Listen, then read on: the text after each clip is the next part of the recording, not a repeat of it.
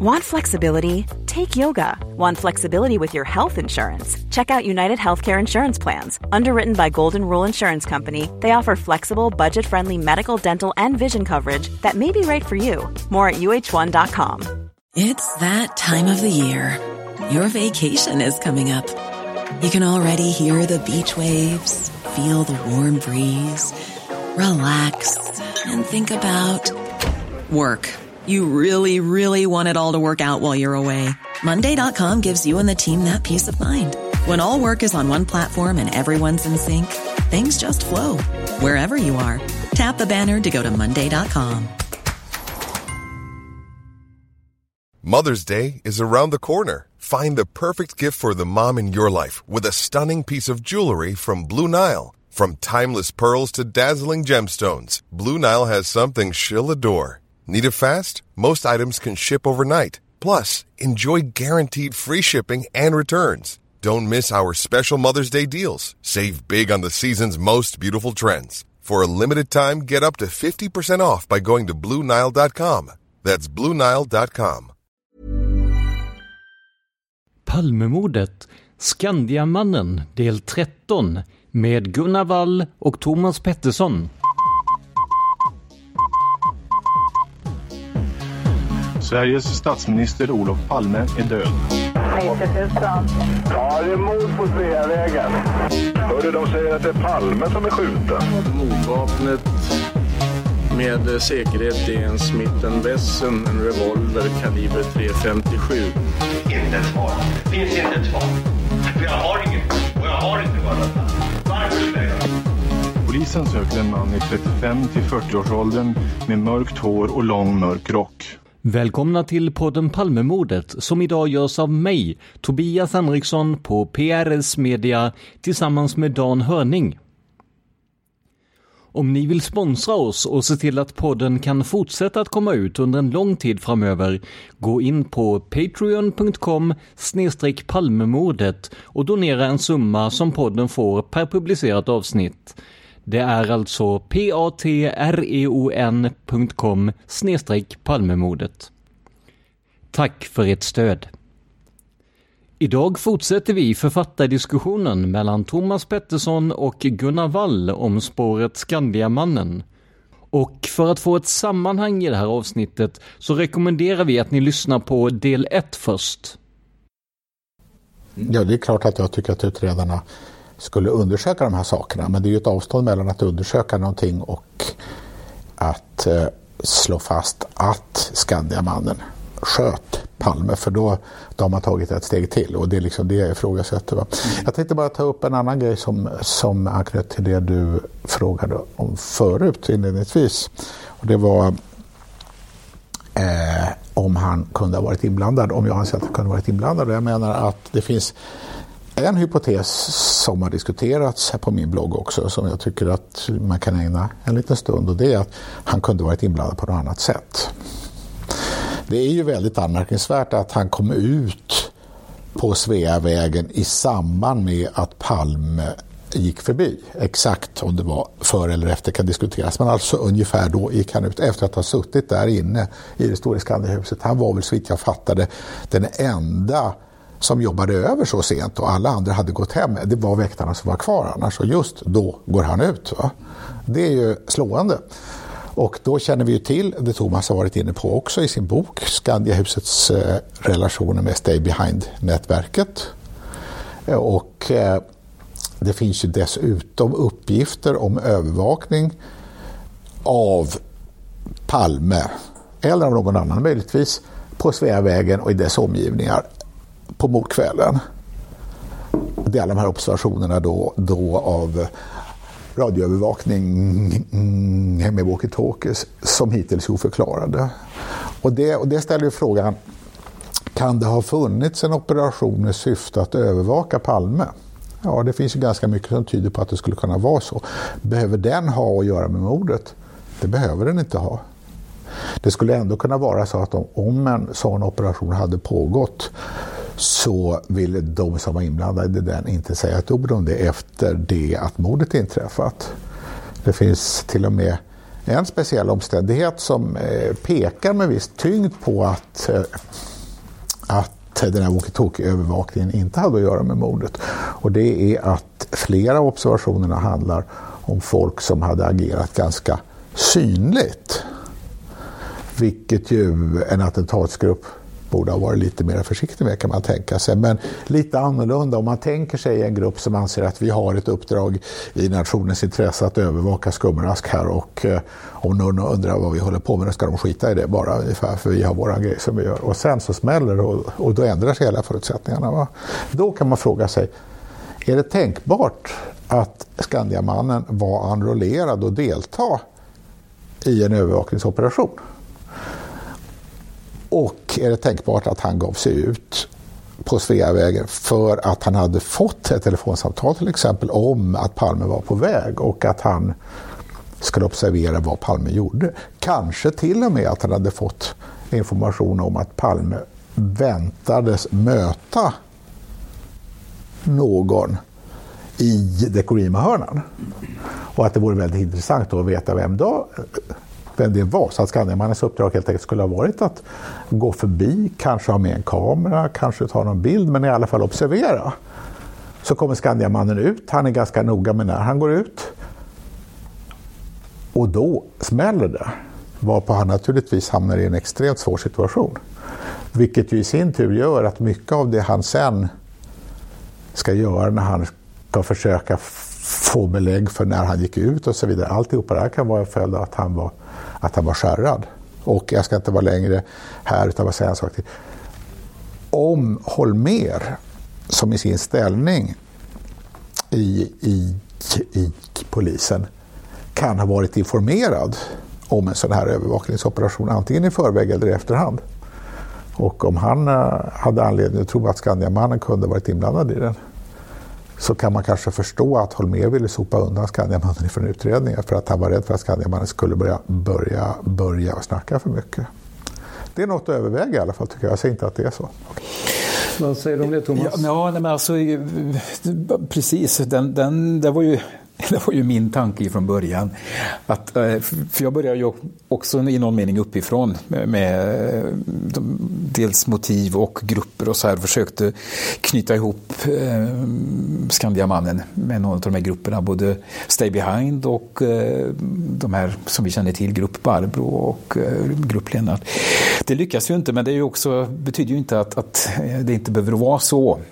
Ehm, och det här är ju intressant. Sen är det ju det här, alla, alla som pratar om, om, honom har ju alltid varit så bestämda över att han, han är inte någon typ man skulle vilja ha i en professionell grupp.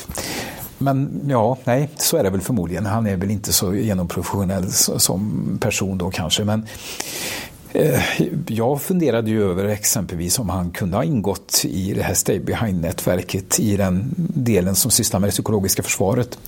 Där man eh, hade förstås ganska långtgående organisation för hur man skulle kunna prångla ut både tidningar och radiosändningar och allt vad det kunde vara i ett, under en ockupation. Så att, eh, den det var inte så långt eh, bort att kunna tänka sig honom i en sån organisation. Sen vet man ju inte hur man skulle kunna ha använt den då, om den också skulle kunna användas i andra syften.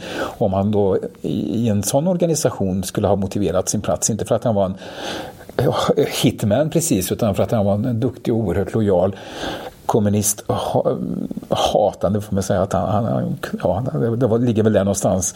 Eh, han, han, skulle ha absolut funkat i en sån organisation där han har rätt bakgrund. Han har den här eh, stabila borgerliga bakgrunden som vi vet att, att många hade i den där organisationen. Alltså absolut. Men, men eh, det har ju inte gått och jag har ju inte kunnat knyta så jag har inte kunnat gjort något av det. Men det går ju inte att utesluta som du säger. Däremot har jag nog sett det som att är det en, en grupp så är det mer utav den här enklare, lösare strukturer med inte så proffsiga människor runt honom. För jag har ju också funderat på det här, har han blivit, har han fått det här telefonsamtalet, nu går Palme från, från biografen. Alltså att, att det finns en grupp, eh, ganska liten, som, som eh, har någonstans någon mental beredskap för att agera och som är inte så proffsig som det här vi pratar om nu, för det här är ju en annan mer proffsig organisation. Men, men att, ehm, eh, ja, Och, och, som du säger, de här walkie-talkie-grupperna som, som finns, det är ju Ja, det, det är svårt att, att, slå bort det. Och det har, har ju faktiskt utredarna, till slut tog de det ju på allvar. Framförallt var det under Dag Andersson. Och, och, men däremot är det ju det till att knyta det till gärningen så att säga. Och det, problemet var väl eh, att man slog bort det så länge under Ulvebros tid och så, att man negligerade och försökte hela tiden förklara bort det istället för att ta det på allvar och så se vad, vad fanns det här, var det något? Och min tanke vill vara att exempelvis en sån här grupp som Barberogruppen som dokumenterat eh, hade verksamhet på reguljär basis med stor sannolikhet en lönehelg en fredag i februari så är de ute. Och det finns ju också vittnesmål om ifrån den här Donald Forsberg som säger att han möter några samma kväll. Hur mycket man nu ska ta på det. Men, men alltså, eh, och det här var ju inte något som bara förekom i Stockholm har jag ju förstått utan det här var, eh, det fanns lite enklare, inte lika avancerat som, som hos Grupp Barbro, men, men även andra FRO hade den här typen av verksamhet där man åker runt i bilar eh, och, och hjälper polisen lite. Det var lite spännande och man fick eh, öva sitt radiosamband och så här. Så att, att de fanns på, på Sveavägen, det tycker jag inte alls är långsökt. Och min fundering var ju, jag försökte ju, jag, jag fick ju prata med en, en del människor i den här eh, Barbro-gruppen. Men att de, de slog ju hela tiden ifrån sig att de hade något med mordet att göra och man kunde aldrig få veta vad de hade gjort under kvällen. Men att var de på Sveavägen är det ju stor chans att de såg och de kanske såg till och med hela förloppet. Det, det, var, ju, det var ju min strävan efter att få prata med någon som kanske ändå kunde säga något om det. Men det, var ju, det stoppade de ju. De kunde bara bekräfta att, att de hade mycket verksamhet, att de hade eh, kontakter med polisen och eh, gav tips som polisen då som sjabblade bort. Liksom, så att eh, ja, det var ju ingen idé att ge polisen tips för att de sjabblar ju alltid bort det.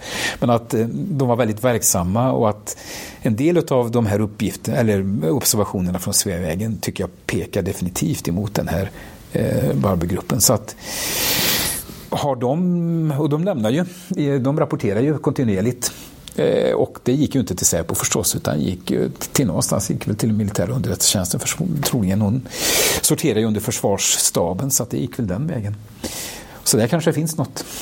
Där har jag en, en, ett inpass här, för när vi pratade Thomas så um, var det en lyssnare som hade skickat in en fråga och uh, den löd ungefär uh, vad är det som säger att det måste vara en organisation eller en ensamgalning kan det inte vara en, en, kombination där en person får ett uppdrag fast kanske antingen inte vet slutmålet med uppdraget eller att han bara är så att säga ja, utkanten av, av gruppen. Hur, jag kan ställa frågan till er båda hur ni ser på det. Ska vi börja med, med dig Thomas? Ja, alltså, det, det finns ju det här har vi inte tagit upp i boken, men vi har haft kontakt med, med en, en kille som, som ju, han skrev någon artikel om det här och han, nu kommer jag inte ihåg vad han har för titel, men han, han har jobbat inom försvaret i alla fall och han kom med något som jag tyckte var intressant. Alltså den här, den här gruppen, när du har en, en homogen grupp och så är det någon i den här gruppen som, som ballar ur så att säga. Eh, som, som tar ett eget initiativ, som agerar och, och, utanför vad uppdraget egentligen tillåter, men, men ändå gör det. Och att det skulle kunna ha varit en förklaring till, till eh, och det, det är någon slags, då kopplar man ihop de här eh, två tankesätten som säger, och det är ju inte heller en omöjlighet såklart. Eh, man har en, en, grupp som har ett uppdrag och så är det någon som, som där det slår över och man agerar och går utanför ramarna. Så att, eh, men det har jag inte kunnat gjort något med. Men jag tycker det är intressant för det är, det är ytterligare en möjlighet och kanske också en, en, en när man tänker på de här stay behind-grupperna och eh, ja, ehm, det, det, det, finns en möjlighet i det eh, scenariot också. Vad säger du Gunnar? Om... Jo, alltså jag tycker väl samma sak och då kan jag väl bara lägga till att uh, om om vi tänker oss hypotetiskt att Skandiamannen skulle ha ingått i en sån grupp och att någon i den gruppen så att säga flippade ut eller hade bestämt sig själv i förväg utan att få okej okay från de andra att den skulle genomföra mordet. Eh, då finns det så vitt jag kan bedöma inte skäl att utgå ifrån att det skulle vara Skandiamannen som var den som hade gjort det utan, utan, utan det skulle kunna vara någon annan i gruppen och man skulle få just de här effekterna som jag var inne på att Skandiamannen hamnade i en situation där han började att ljuga för att han, han blev rent skräckslagen för han kanske var den enda personen i den här gruppen som bevisligen hade funnits på platsen. De andra kunde ju bara swish liksom sticka hem och låtsas som ingenting. Men han hade ju varit där. Va? Och det var känt att han hade varit där så han, han måste hitta på något. Det, det är ett alternativ att överväga i alla fall. Jag, jag, jag tänker, det, det, som gör att jag har svårt med det här är ju, alltså om, om han hade haft ett annat signalement.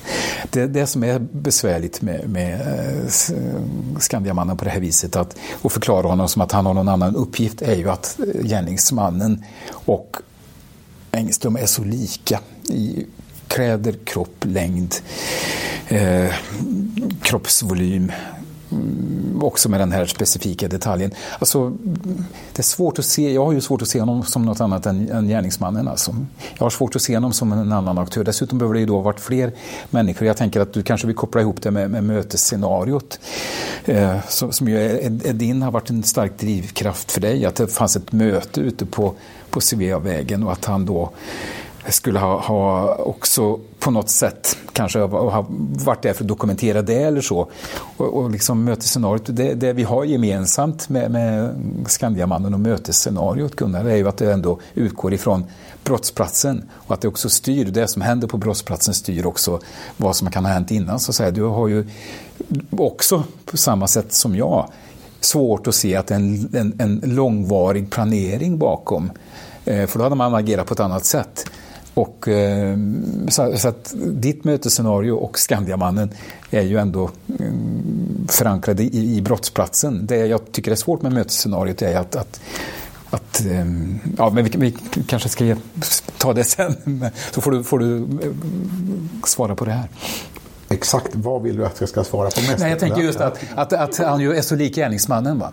Att, för det är, ju, det är ju därför han, det är ju det som driver honom, att han måste ju förklara varför han inte är gärningsmannen. Han har ju blivit förväxlad. Och det är ju så, alltså, om det inte är han, så är, och det, det är ju också en, en, kommentar exempelvis från Håkan Ström när han då underkänner Skandiaman och säger att ja, det är någon som är väldigt lik honom, men det är inte han.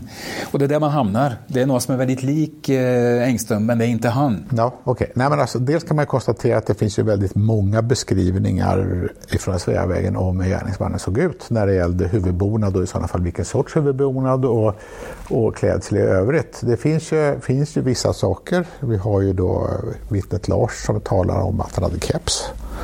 Det är ju inte någonting som slår igenom i övrigt. Och så har vi ju Yvonnes uppgifter om någonting som i alla fall liknar en handledsväska och det är ju också intressant i sammanhanget. Men alltså det är ju, sen har vi ju Skandemannens egen uppgift om att han sprang iväg för att få tag i poliserna som hade rusat rusat in i gränden för att ge dem ytterligare upplysningar. Och det, det ställer naturligtvis, naturligtvis frågan om han eh, ja, sprang han in i gränden som han själv sa? Eh, det kan han ha gjort. Behöver han ha varit gärningsmannen eller kan han ha sprungit in där i alla fall? Ja, det måste man ju lämna öppet för.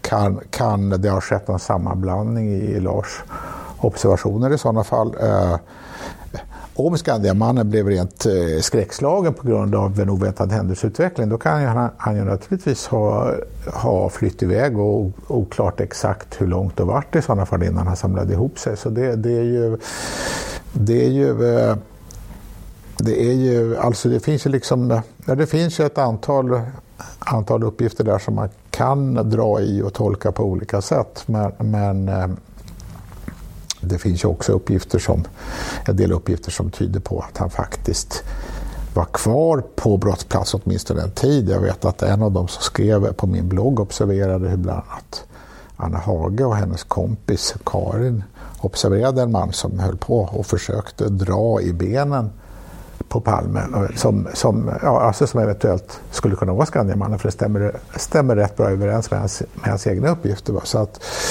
alltså där är, jag är inte alls klar över i vilken utsträckning Skandiamannen fanns på plats. Jag, jag, är öppen för alla möjliga tolkningar men jag kan fortfarande se att, att eh, eh hans agerande skulle kunna vara en följd av att han var inblandad i någonting ut, utan att vara gärningsmannen. Och det, det tycker jag definitivt är värt att, att fundera vidare på. Det, och det bygger ju bland annat också på att det finns ju ingenting som som visar att han var våldsam. Alltså det är ju inte någon, det är inte någon person som man utifrån hans tidigare agerande kunde dra slutsatsen att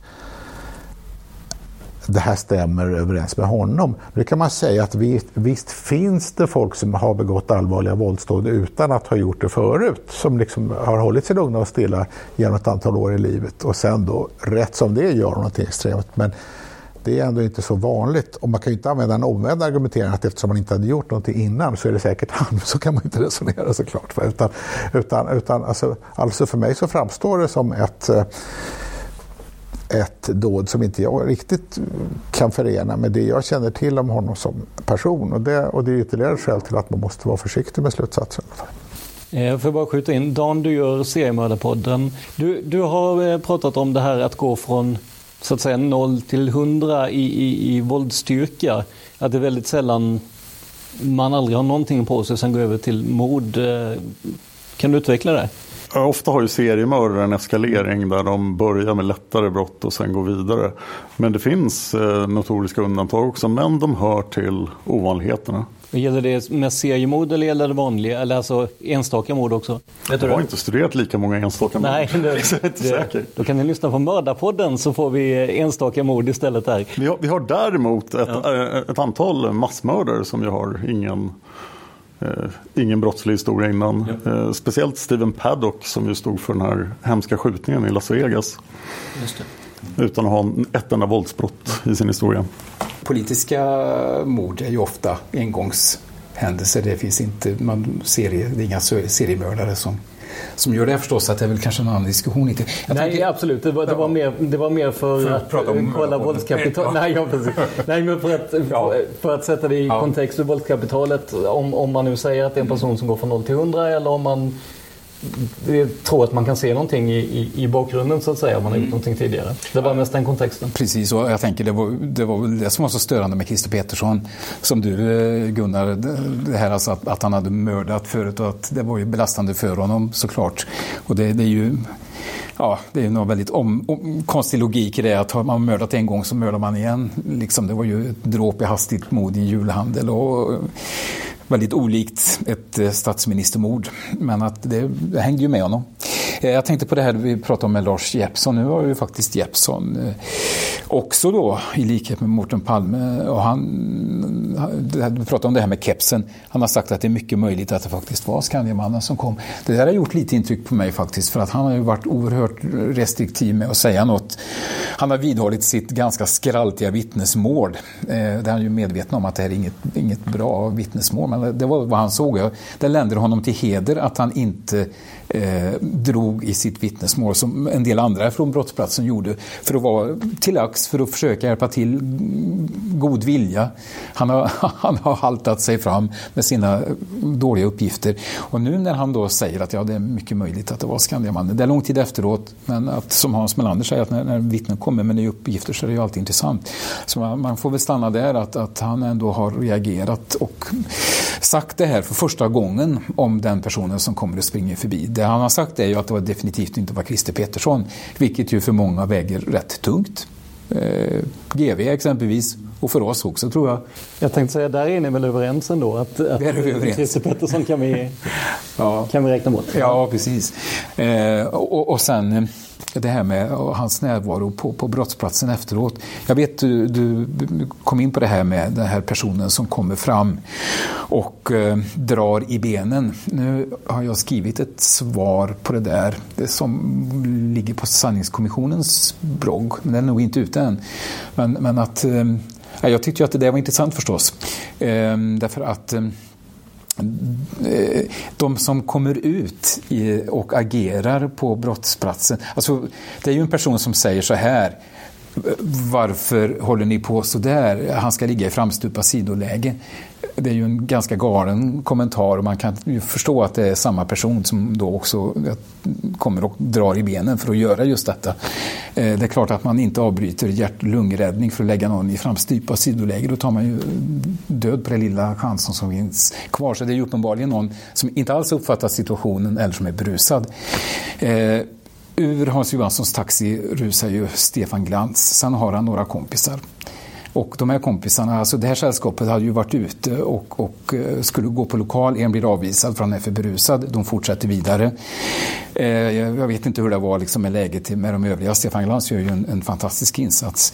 Eh, de personerna som är med i den här bilen där är det ju en som säger då att ja, vi var ute och la eh, den här skjutningen i framstupa sidoläge. Jag tolkar ju det som att det är den här personen som är framme och drar i benen. Alltså att det är inte Engström. Jag har väldigt svårt att se att han skulle ha sagt det här. Han säger ju själv att han är utbildad i hjärt-lungräddning, och så, eller i ABC säger han. Så att, att han skulle ha tolkat situationen så helt fel, det, det är ju svårt att tro. Däremot så lutar jag åt att det är någon i det här sällskapet som är framme och drar i benen eftersom de också säger att de eh, är framme och lägger eh, den skjutningen i framstupat sidoläge. Eh, ja, men det var väl det. Jag vill bara skjuta in här innan vi lämnar över att eh, den här uppgiften som eh, Lars J gick ut med om eh, att det skulle kunna vara Skandiamannen. Mm. Den publicerades i Expressen i alla fall den 31 augusti 2018. Och eh, som du sa, han har varit väldigt eh, tillbakadragen mm. eh, tidigare. Eh, och eh, spaningsledare Hans Melander säger klart att det är intressant. Men å andra sidan allt som allt som händer runt mordplatsen måste vara intressant även om det så går 50 år efter mordet om man inte har någon som man vet gjorde det i alla fall. Men som sagt, eh, det var alltså förra året som, som vi fick en, en indikation på det här. Hade du någonting du ville kommentera om? Mm, jag ville fortsätta lite grann på den här tråden av typen av mördare. Det var en tanke till som slog mig där. Eh, jag skrev om 11 september för en del år sedan eh, och om kaparna som var inblandade där. Och det är intressant för det var ju också personer som inte var eh, kända för allvarliga brott innan utan, utan de hade ju bestämt sig för en politiskt dåd just så att säga och det blev ju deras enda dåd. Sen var det slut för dem. Men, men, eh, men det som slår mig är att eh, det som föregick själva kaplingen det var ju en process där de var tvungna att, så att säga, gå igenom en massa inre steg och processer för att kunna klara det här. Så en av dem hade ju skrivit en liten handledning som de följde om hur de skulle be tyst i taxin till flygplatsen och allt vad det var.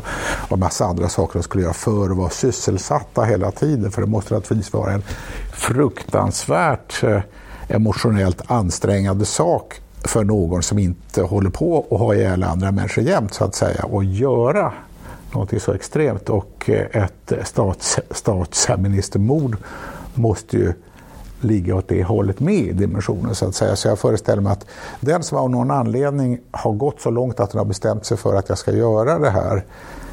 Eh, då undrar man, skulle inte det synas på personen i förväg? Skulle han inte vara så emotionellt upptagen med att förbereda detta skjutande så att när, om det nu var Skandiamannen, när han gick ut och snackade med väktarna och sa hej då så att säga, skulle det inte finnas minsta spår av att han just skulle begå den viktigaste handlingen i sitt liv. Så att säga. Skulle han kunna se ut ungefär som vanligt? Och det, alltså det är ju, det är ju en tanke som slår mig. Där ska man ju behöva veta mera om liknande händelser. Men, men alltså, alltså för någon som inte hade ägnat sig åt den typen eh, av saker tidigare så måste det vara varit att överhuvudtaget få idén i skallen. Jag har ett vapen, jag ska ut nu, jag ska göra det. Han måste ju ha vetat om det en stund innan i alla fall. Han kan ju inte bara ha gått där med vapnet i handen, tralala och nu pang skjuter jag. Utan, utan han måste ju ha haft en uppladdning inför det. Va?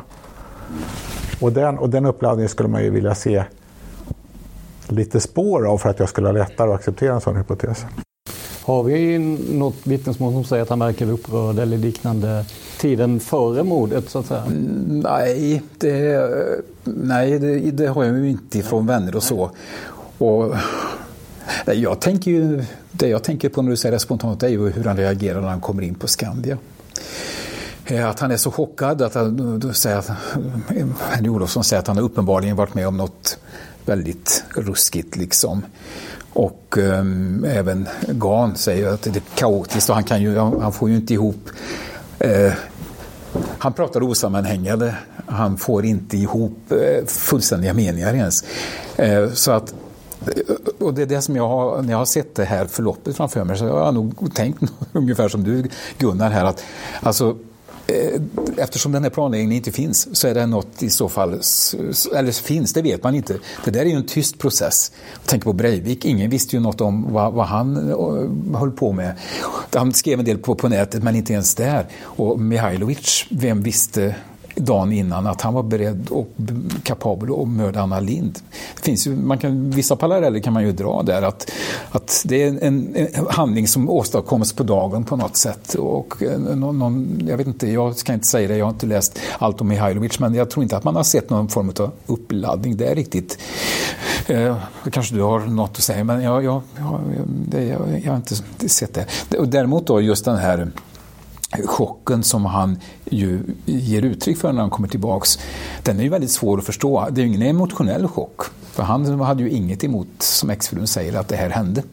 Att eh, Palme skulle bli skjuten, inte ens det faktiskt, hade han något emot. Däremot tyckte hon ju att han var för feg för att hålla i vapnet själv. Eh, men, så att det finns ju ingen emotionell, det är ju inte som när Palmesympatisörerna får veta detta, att det är Palme som är borta. Att det är ett chocktillstånd, alltså man kan gå in i det faktiskt. Det har ju inte han. Eh, utan han borde väl i så fall tillhöra de här som man hade skålat lite. Istället kommer han in och är, är ja, eh, upplöst får man väl säga. Vad är det då som har hänt? Om vi nu tänker att, eh, att han skulle ha varit så nära då. Alltså jag tänker den enda som uppvisar samma typ av chocktillstånd är ju faktiskt Björkman, Anders Björkman. Han reagerar på ungefär samma sätt. Han vill gå därifrån. Det är det här eh, BMW ägaren Jan-Åke Svensson som ser till att han faktiskt blir kvar. Alltså, och han är också så här, men han vänder ju inåt han blir väldigt tyst och eh, det är svårt att få ur honom någonting. Men han är ju väldigt chockad. Och han är också väldigt nära han, eh, själva händelsen och för mig är inte det så långt att tänka då att om nu Skandiamannen Engström är nära händelsen och det här är ingenting som är planerat. Han blir chockad över vad han själv har åstadkommit. Då kommer den här såklart efteråt. Vad fan har jag gjort? Gunnar? Eh, ja, med Ailovic det var det ju så att han hade ju sökt eh, psykiatrisk ja, hjälp någon dag innan bara. Mm.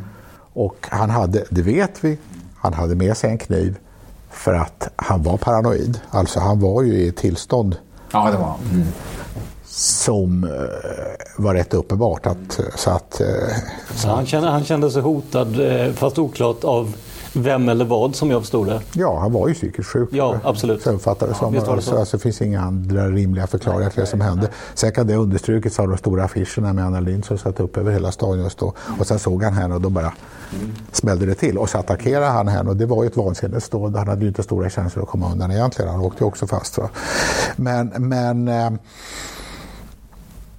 jag tänker att han var inte, det var ju inte ett politiskt han var inte uppladdad politiskt för det. Det kunde ha varit något annat också. Han kunde ha gett sig på nästan vem som helst, är väl min uppfattning. Och det, och det är ju, alltså i det här fallet så Åtminstone det du argumenterar för här, då skulle det liksom vara så att Skandiamannen gav sig på Palme för att han var den stora fienden. Så att säga. Men just att ifrån, ifrån eh, synbarligen ingenting, ifrån att ha varit ungefär som han brukar vara, så att säga, han knackade ju på eh, entrédörren på kvällen och kom in efter att ha varit ute en sväng. Det var ingen då som tyckte att han var konstig. Han snackade med väktarna en stund när han gick ut. Ingen tyckte att han var konstig då heller.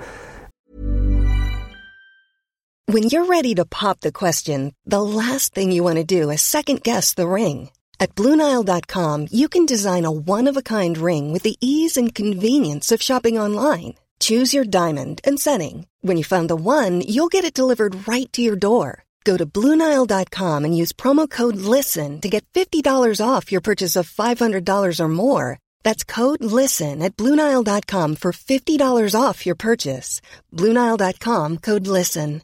If you're looking for plump lips that last, you need to know about Juvederm Lip Fillers. With Juvederm Volbella XC and Juvederm Ultra XC, your lip look, whether it's subtle or bold, can last up to one full year with optimal treatment and no additional maintenance. Find a licensed specialist and see if it's right for you at juvederm.com today. That's J U V E D E R M.com. Add fullness to lips in adults over 21 with Juvederm Volbella XC or Juvederm Ultra XC. Do not use if you have severe allergies or a history of severe allergic reactions, or if you're you're allergic to lidocaine or the proteins used in Juvederm. Tell your doctor if you have a history of scarring or taking medicines that decrease the body's immune response or that can prolong bleeding. Common side effects include injection site redness, swelling, pain, tenderness, firmness, lumps, bumps, bruising, discoloration, or itching. As with all fillers, there's a rare risk of unintentional injection into a blood vessel, which can cause vision abnormalities, blindness, stroke, temporary scabs, or scarring. For full important safety information, visit juvederm.com.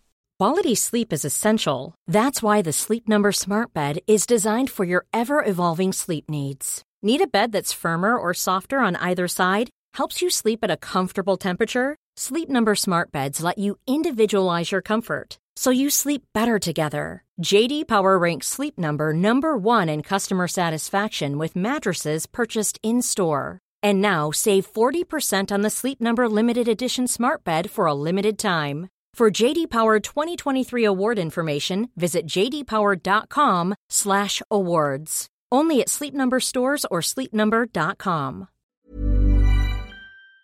Eh, till att, och alltså om han hade ett laddat vapen till hands, om han hade skaffat vapnet för att skjuta statsministern på kvällen, då måste han ju verkligen ha förberett sig och tänkt att nu jävlar, nu är det dags. Va? Och då borde han ju vara fruktansvärt adrenalinstinn i det läget. Va? Det andra alternativet är att han alltid brukar gå omkring med ett laddat vapen. Vilket jag fortfarande är skeptisk till. Men jag menar, ja, alltså, alltså, alltså då skulle man kunna tänka sig att han, han går omkring med ett laddat vapen. Får han en anledning så skjuter han ungefär. Men han har ju inte gjort det förut någon gång. Alltså det, jag, jag, nej, alltså jag, jag vet inte. Jag, jag tycker inte jag ser de här tecknen som man skulle vilja se för att förstå vad som var på gång och att det smällde till sen. Det, men alltså det blir lite annorlunda om man tänker sig att han kan ha ingått i något nätverk där han hade en uppgift som var lite mindre så att säga. Han skulle kolla helt enkelt. Spännande men inte farligt. Och sen blir det farligt och det skulle i sin tur förklara varför han var så chockad mm. om någonting hände som han omedelbart måste ha insett att det här kan innebära någonting för mig också. Va? Sen tänker jag att om han skulle ha, ha begått mordet på impuls och blivit skräckslagen över sin handling skulle han då ha tagit sig tillbaka till Skandiahuset? Det är jag tveksam till. Skulle det inte vara enklare att bara sticka? Ja, så är det ju. Alltså, och det är ju det, det är väl det också jag tycker talar för att, att Eh, såklart då att det är inte en rationell handling i den meningen att, att du har en plan för vad som händer efteråt. För då hade du haft en plan efteråt så, så hade man ju som säger, då hade man inte gått tillbaka till Skandia. Det hade varit mycket svårare. Då hade man, han ju bara kunnat sagt att ja, ja men jag, jag såg ingenting av det där faktiskt, jag passerade förbi. Nu drar han ju historien när han kommer tillbaka och, och det gör ju honom såklart, det är ju det första han gör som gör att han också blir en möjlig gärningsman faktiskt. När han eh, berättar om de här olika sakerna. Så att jag tänker att um, den här ehm, just det som talar för att, att, det inte, att han inte ingår i, i, eh, i ett större sammanhang tycker jag ändå är det här att han inte eh, ja, den här chocken och att han eh, har han haft en, en alltså den här förberedelsetiden den, den, den, vet man ju liksom inte hur det, han jobbar ju på samma gata som sossarna har sitt parti. Högkvarter, 68 är väl det, och du har ABF-huset där och det är den här miljön där Palme också har rört sig. Han har jobbat där i 18 år, Skandiamannen, så det är väl inte omöjligt att han har stött på honom någon gång. Eller han vet ju i alla fall att han är i krokarna. Och vad, hur de där tankeprocesserna ser ut när man förbereder sig för en sån handling eller leker med tanken, det, kan man ju, det, det är ju en tyst process ofta. Ehm, så det, det, vet man ju liksom inte hur, hur det ser ut. Men, men ehm, och sen, har, det här, och sen får man ju komma ihåg det här, det har vi inte berört alls, alkoholen. Han hade ju druckit under kvällen, vilket ju sänker impulströskeln förstås och, och gör att du gör saker som du normalt inte skulle mm, våga dig på helt enkelt. Så att, och, och hur stor den faktorn är, eh, det, och det var ju Anna-Lisa Gahn som, som sa det faktiskt. Och det var första gången jag hörde det när jag pratade med henne, för det där hittar man ju inte i några förhör, men det där var ju känt i, i polishuset att han hade druckit under kvällen. Eh, och hur mycket det kan påverka, det är en impuls eh, Alltså en, en, man sänker tröskeln i alla fall. Eh, och det, det kom ju upp när det gällde de som känner honom som en faktor, alkoholen. Eh, att det, om han skulle vara gärningsmannen så är det en faktor i sammanhanget. Det har vi inte berört särskilt mycket och det gör vi inte i boken heller egentligen. Men att det är klart att det är en faktor. Eh, jag skjuter in en sak när vi pratade om reaktionen efter eh, mordet på, på Palme. Då. Jag tänker så här, även om jag var, hade varit ett stort fan av Palme, nu var jag sex år när han sköt så att jag hann inte bli det. Men, men även om jag hade varit väldigt fäst vid en person som senare blev mördad så hade min reaktion varit mildare än om jag var på plats och faktiskt såg det hända. Jag tänker att det blir väldigt verkligt när du ser en människa ligga och Precis, i princip blöda ur på, på öppen gata. Eh, kan det förklara den, den, den starka reaktionen som kom efteråt? Han hade ju, om vi nu säger att han, ja, att han, att han faktiskt var på platsen och att han såg i alla fall den, den skjutna kroppen då? Jag tänker att, att, det är så mycket som talar för att han inte var det. Mm. Han lämnar ju så felaktiga uppgifter han, och det gör han ju direkt. Han säger att Palme ligger eh, på rygg och, med slutna ögon säger han i det till Aftonposten tror jag. Han är det här med att han är framme och, vänder Palme i framstupat alltså Palme vänds aldrig i framstupat sidoläge. Mm. När, han, när han blir skjuten så knycklar han ju ihop som hon säger Kari Omstad. Alltså han, ben och knän, han, han knycklar ihop på stället. Han tar inte ens ett steg och han, han faller inte som en furu utan han faller ihop på stället. Och då ligger han i något som är som en blandning mellan fosterställning eller framstupa sidoläge. Och sen kom ju då Anna Hagon först fram och hon ser ju att han blöder ur näsan och mun och eh, hon känner på låtsasslips och låtsaskjorta och sånt där. Och sen kom ju Stefan Glans fram och så frågar han vad, vad kan jag göra någonting, ska vi lägga honom i framstupa sidoläge? Nej, säger hon då. Nu följer jag boken när de berättar om det. det delvis så följer det ju också eh, vad heter det, förhören. Men, men alltså han läggs aldrig i något framstupa sidoläge. Däremot så faller han ner i något så, som påminner om framstupa sidoläge. Eh, så han vänds ju på rygg direkt och något eh, framstupa sidoläge blir det ju aldrig. Ehm, så att, alltså han, det är så många felaktigheter i hans uppgifter om vad som för sig går först. Så att jag har ju svårt att säga att alltså, har, du, har han varit någonstans måste jag, då tänker jag att då har han varit längre bort. Och det går ju inte att utesluta, eh, tycker inte jag heller att det gör. Men då får man andra problem. Men att han skulle ha varit så nära, för då hade han gett mycket mer korrekta uppgifter om eh, precis vad som hände. Så att, ehm, ja, men, men att han, och det, det har, vet jag du Gunnar, du pratat om det, att han skulle ha varit nära. Men, men att ehm, Ja, det måste ha varit på längre avstånd i så fall. Annars hade han gett bättre, mer korrekta uppgifter. Vill du skjuta in något Gunnar? Jag tänkte bara återvända till det här med att han återvände till Skandia. Ja. Så tänker jag att mm alltså jag har fortfarande väldigt svårt att tänka mig eh, under förutsättning att han skulle ha begått dådet i impuls. Och då har vi alltså då är, då, är han, då är han uppfylld av att han har skjutit, han har krutstänk på kläderna. Han, är liksom, han, är, han måste ju känna sig som någon som har gjort det och vara rädd för att det ska på ett eller annat sätt synas på honom vad han har gjort.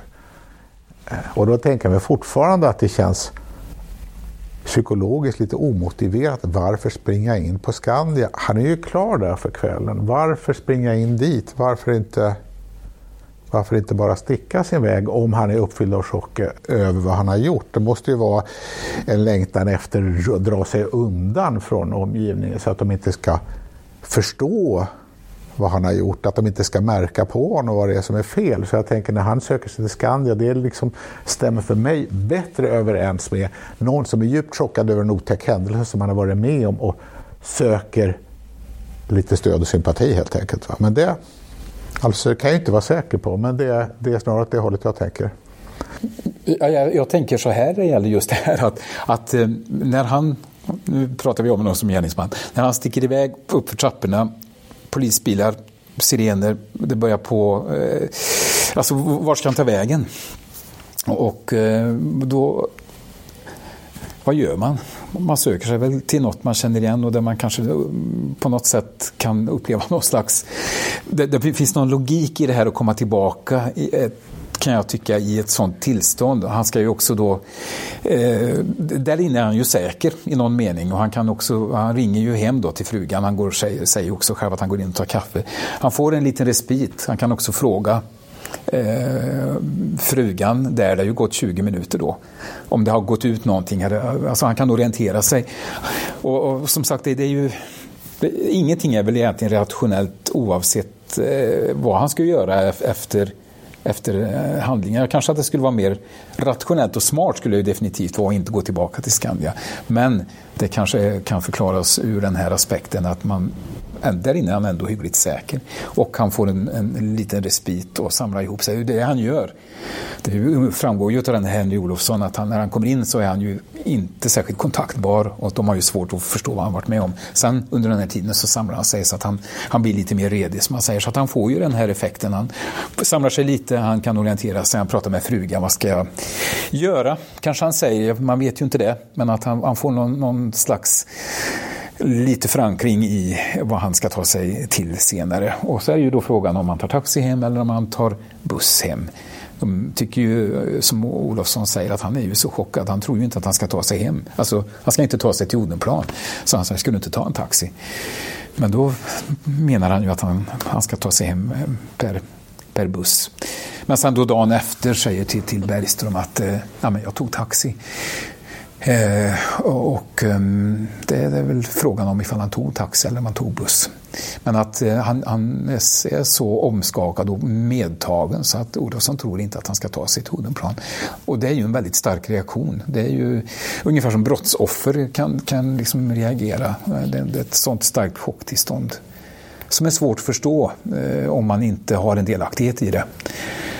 Eh, och då tänker jag att det är den grövsta delaktigheten. Du kanske tänker att det, det, det finns en annan, en mildare delaktighet, men det är svårt att förstå det om man, eh, om man inte har en, en, ett eget ansvar i det på något sätt. Och han ljuger dessutom. Det hade han inte behövt gjort. Varför ljuger han? Säger att han är hörd av polisen. Det hade han inte behövt gjort. Ja, det, det... Eh, hade han med sig vapnet in på Skandia, tror du?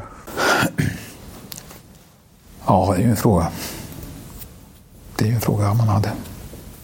Han går ju in eh, i lokalen men att, att han skulle ha lämnat vapnet, ja, frågan. Frågan är ju lite intressant för att om man nu skulle utgå från att han var gärningsman och hade gjort sig en sväng och att han hade agerat ensam.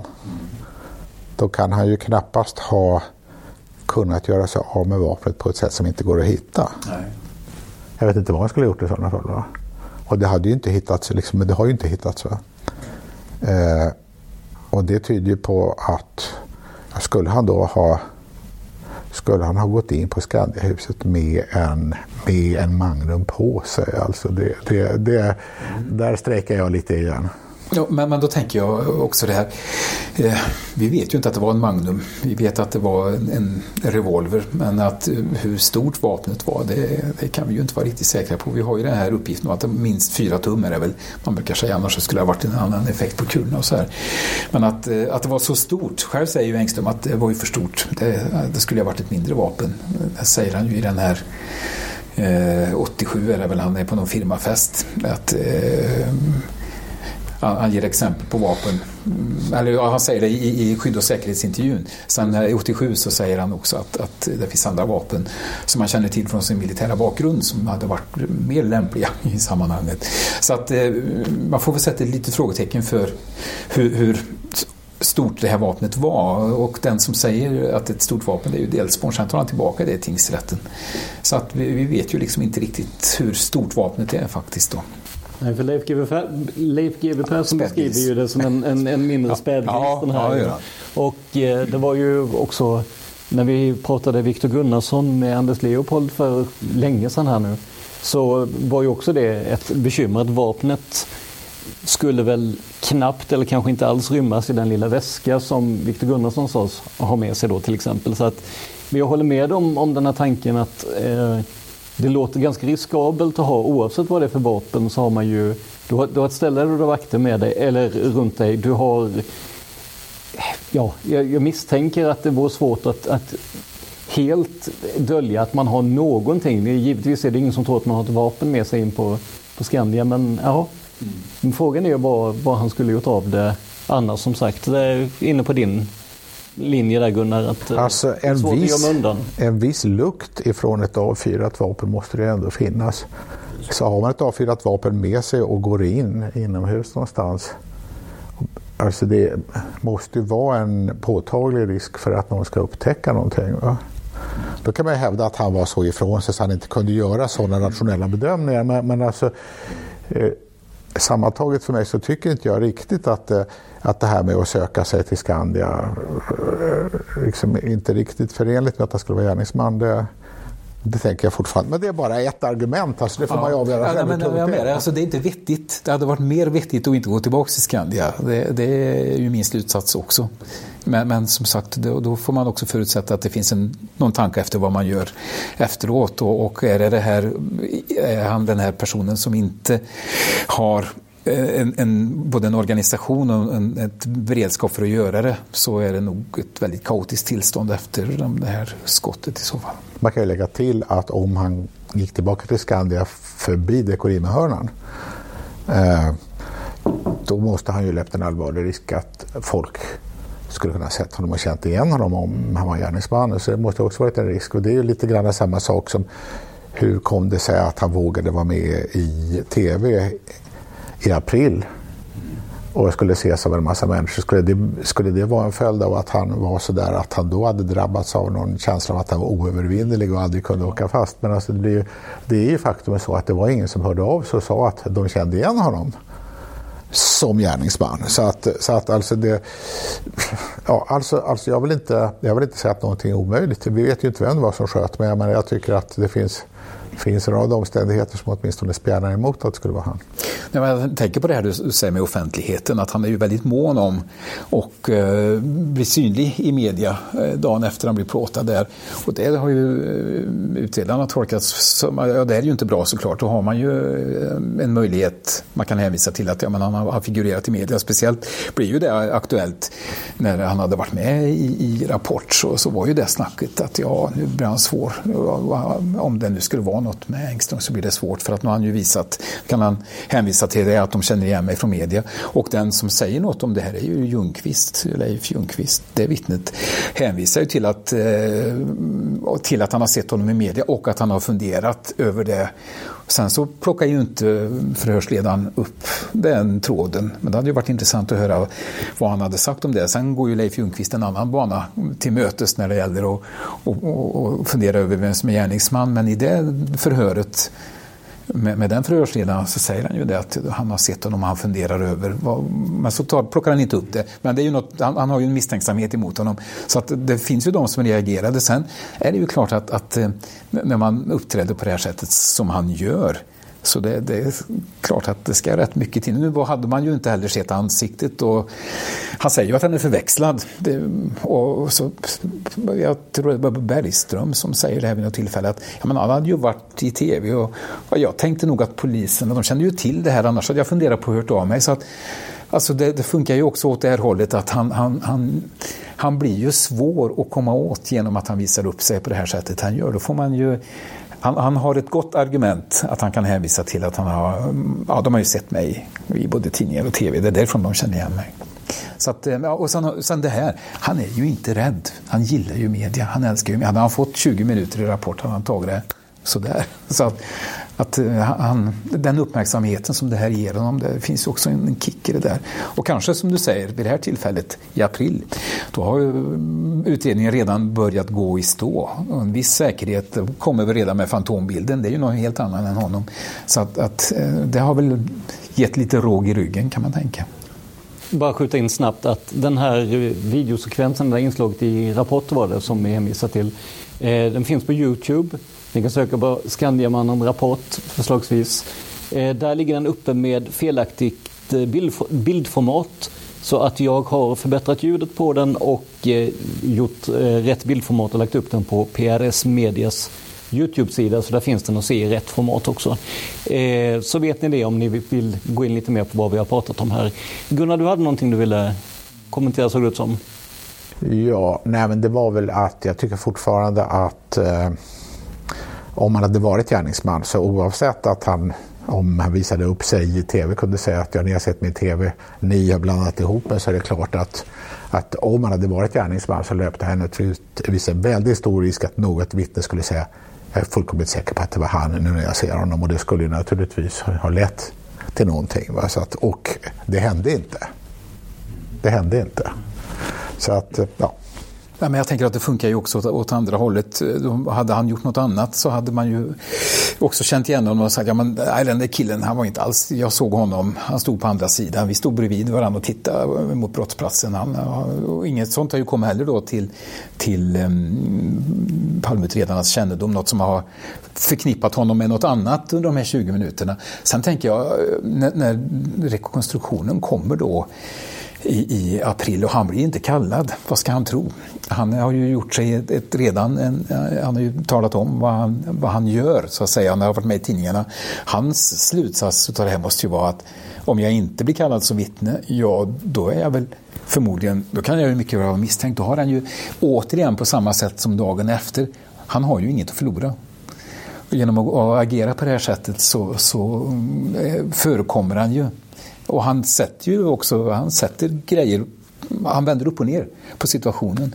När han är med då så, så resonerar de, jaha nu är han där igen, den här Engström liksom. Och, ja, och nu håller han på igen. Men det som händer är ju också att han drar uppmärksamheten till sig. Det är ju då Irvel eh, fattar mm, misstankar att det här det är ju något som inte stämmer här. Så att då påbörjas ju utredningen. Så att det har ju ändå den effekten att han blir aktualiserad i utredningen. Hade han inte varit med i Rapport, ja vete tusan. Det vill säga det hade varit klokare av honom om han var gärningsman att inte, att inte vara med i Rapport. Ja, Holmér hade säkert kört sitt spår ändå. Då hade, då hade det blivit ännu mindre utrett runt honom. Men, men klart, eh, utpasseringstiden och allt det andra runt honom fanns ju kvar. Så nu, fick, nu blev det ju en start på utredningen i alla fall. Och, eh, även om den då kvästes i sin linda utav Holmér. Det var synd att Irvell gick i pension. Det, eh, hade han, det kanske sett annorlunda ut. Men det du har tagit upp och gett en del exempel på i din bok det är ju att han hade många irrationella beteenden i umgängeslivet när han liksom kunde hålla på och strida om ja. små saker, om räkningar som han tyckte var felaktiga och han hade ett behov av att ta strid om sånt. Han tyckte det var angeläget att vara någon fight med i Moderaterna i Täby när han blev osams med de andra ja. och så vidare. Så att, jag tycker att hans personliga beteende när han känner sig, som det låter då, kränkt för att han inte får vara med på en rekonstruktion. Det stämmer för mig ganska bra med det man vet om honom i övrigt så att säga. Att han tänker varför ska inte jag få vara med? Varför, varför skulle jag vara sämre än de andra vittnena? Alltså det är ingenting mystiskt med det egentligen i förhållande till, till vad vi vet om honom. Tänker jag. Jo men det som är mystiskt Gunnar är ju att, att eh, han har ju inte gjort det här. Alltså han, är ju, eh, han ljuger, det, det är vi väl överens om. Att han ljuger om vad han har gjort på brottsplatsen. Så att det är inte så att han blir förbegånget som ett, ett sanningsvittne utan han blir ju förbigången i den meningen att man redan då så ifrågasatte man ju honom för man såg att uppgifterna stämmer ju inte. Så att han, han, har ju inte, han är ju inte uppfylld av det här att men jag, har ju varit, jag har ju sett det här, jag har ju varit med. Utan han, det han är uppfylld av är ju något annat. Jag skulle säga att, att det är den här, eh, han har ju något att dölja. Och vad det då är, jag tror att det är gärningen han döljer du tror kanske att det är något annat han döljer, men ja, någon form av delaktighet som han inte ändå vill liksom visa upp. Men, men att han, har, han är ju inget sanningsvittne, så han inte, han blir inte bekränkt för den sakens skull. Ja, men det här är krångligare än så tror jag. För att ja, dels alltså, han kan, ha, han kan ha en delaktighet av något slag, mm. som jag har talat om, men det är inte säkert att han har det. Men det är bara ett alternativ jag diskuterat. Det kan också vara så att han steg för steg har bättrat på sin egen historia, kan man se i förhören, hur det liksom låter bättre och bättre det här med hur han har gjort insatser. För han vet ju hur man ska göra. Man ska sätta igång med livräddning, man ska informera polisen, man ska vara duktig. Att han, att han liksom redigerar om sitt agerande i takt med att han hinner med att reflektera över det. Och jag, jag tror att väldigt många människor gör det och en, en noggrann genomgång av vittnesmålet från Sveavägen till exempel överhuvudtaget visar ju på ett antal exempel på att folk tror sig veta mycket bättre än vad de egentligen gör och att det finns massor med saker som stämmer illa. Och jag tror inte att att man ska stämpla vittnen överlag som lögnare bara för att de ändrar sig hit och dit. Utan, utan det säger ju all erfarenhet att vitt, vittnesmål och vittnespsykologi består ju ofta väldigt mycket av sådana här saker. Alltså det är lite samma sak när sönen med Palme i eh, Skavlan plötsligt säger att eh, Palme hade ringt efter livvakter. Jag tror inte de sitter där och tänker att nu ska vi ljuga som fan här. Va? Men däremot sa Joakim åt mig efteråt när jag frågade honom då att ja, det var väl så att, att mamma hade sagt åt honom att han borde göra det men Ja, jag vet inte. Hon hörde ju inte att han ringde så jag vet ju inte. Men då i stunden när han sa det, då var han liksom uppfylld av det alternativet och sen insåg han i efterhand att det där var, det stämde inte så himla bra. Va?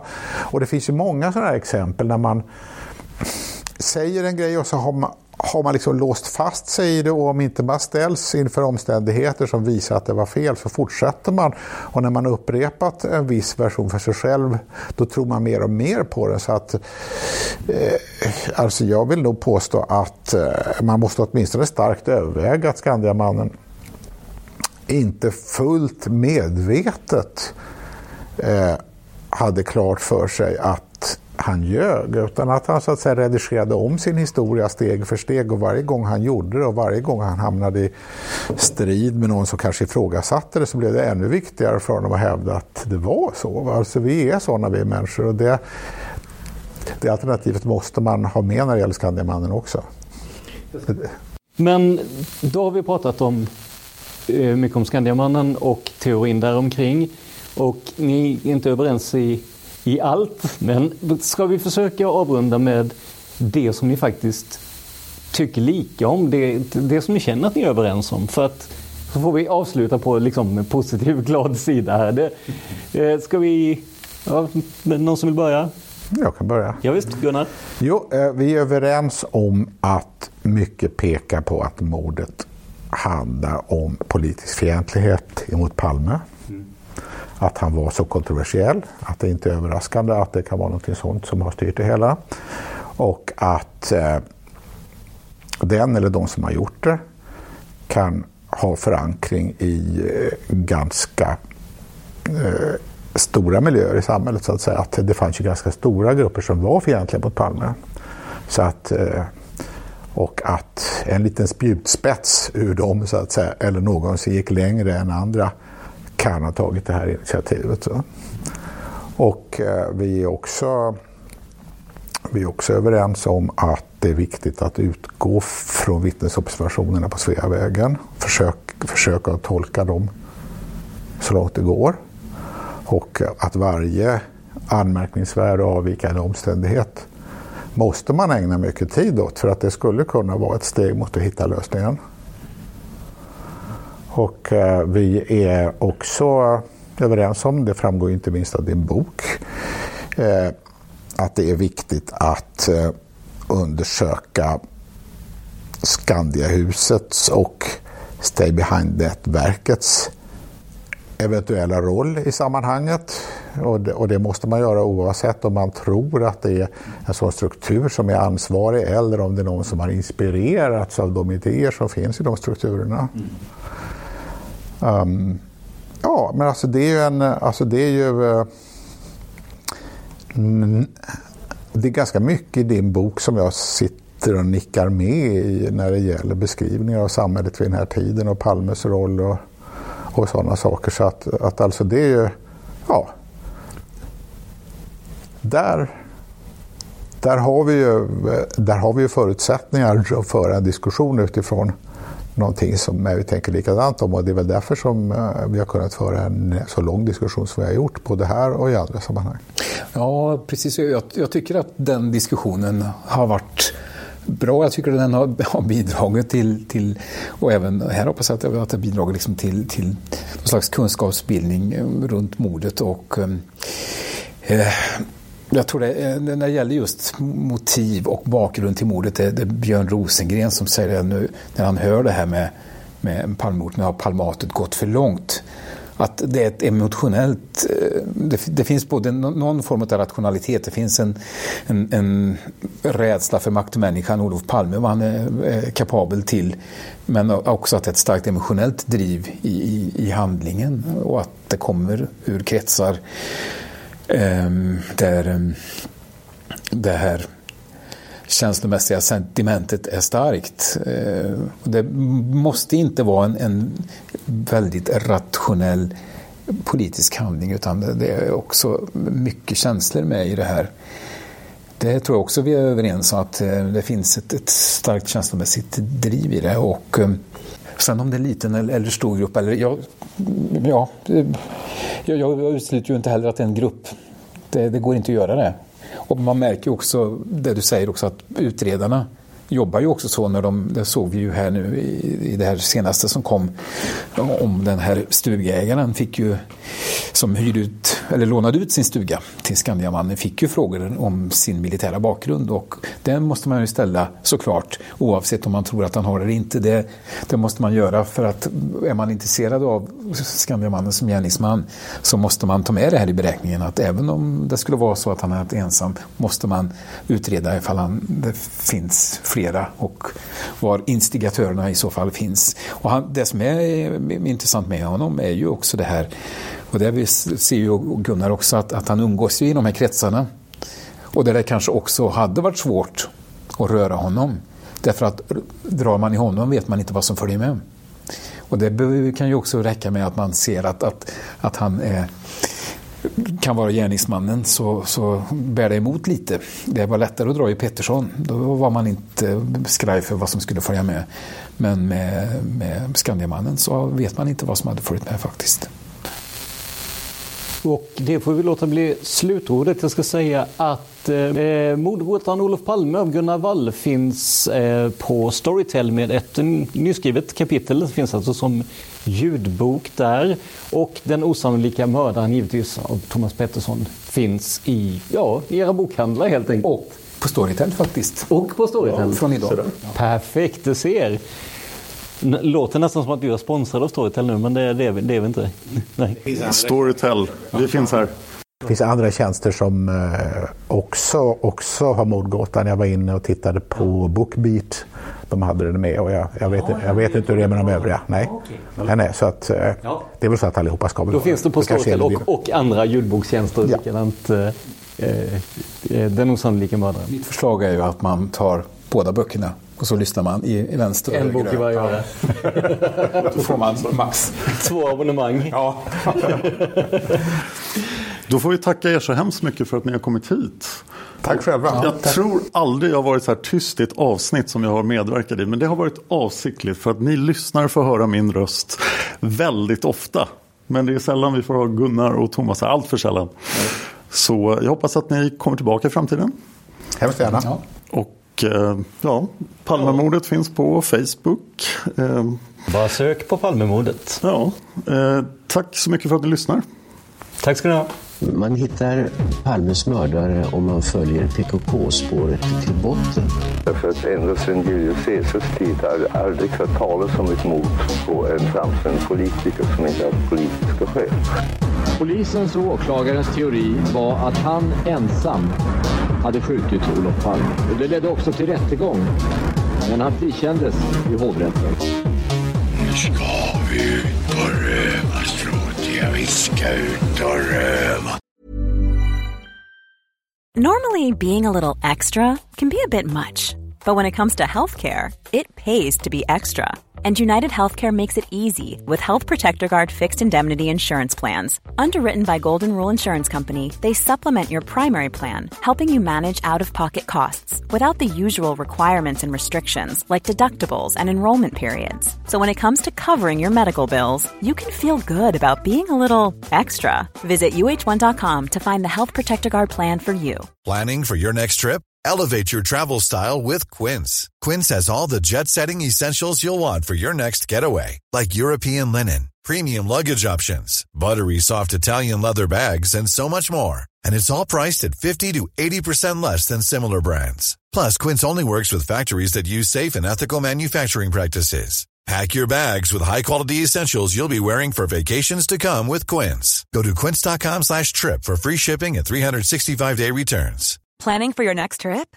Elevate your travel style with Quince. Quince has all the jet setting essentials you'll want for your next getaway, like European linen, premium luggage options, buttery soft Italian leather bags, and so much more. And is all priced at 50 to 80% less than similar brands. Plus, Quince only works with factories that use safe and ethical manufacturing practices. Pack your bags with high-quality essentials you'll be wearing for vacations to come with Quince. Go to quince.com/pack for free shipping and 365-day returns.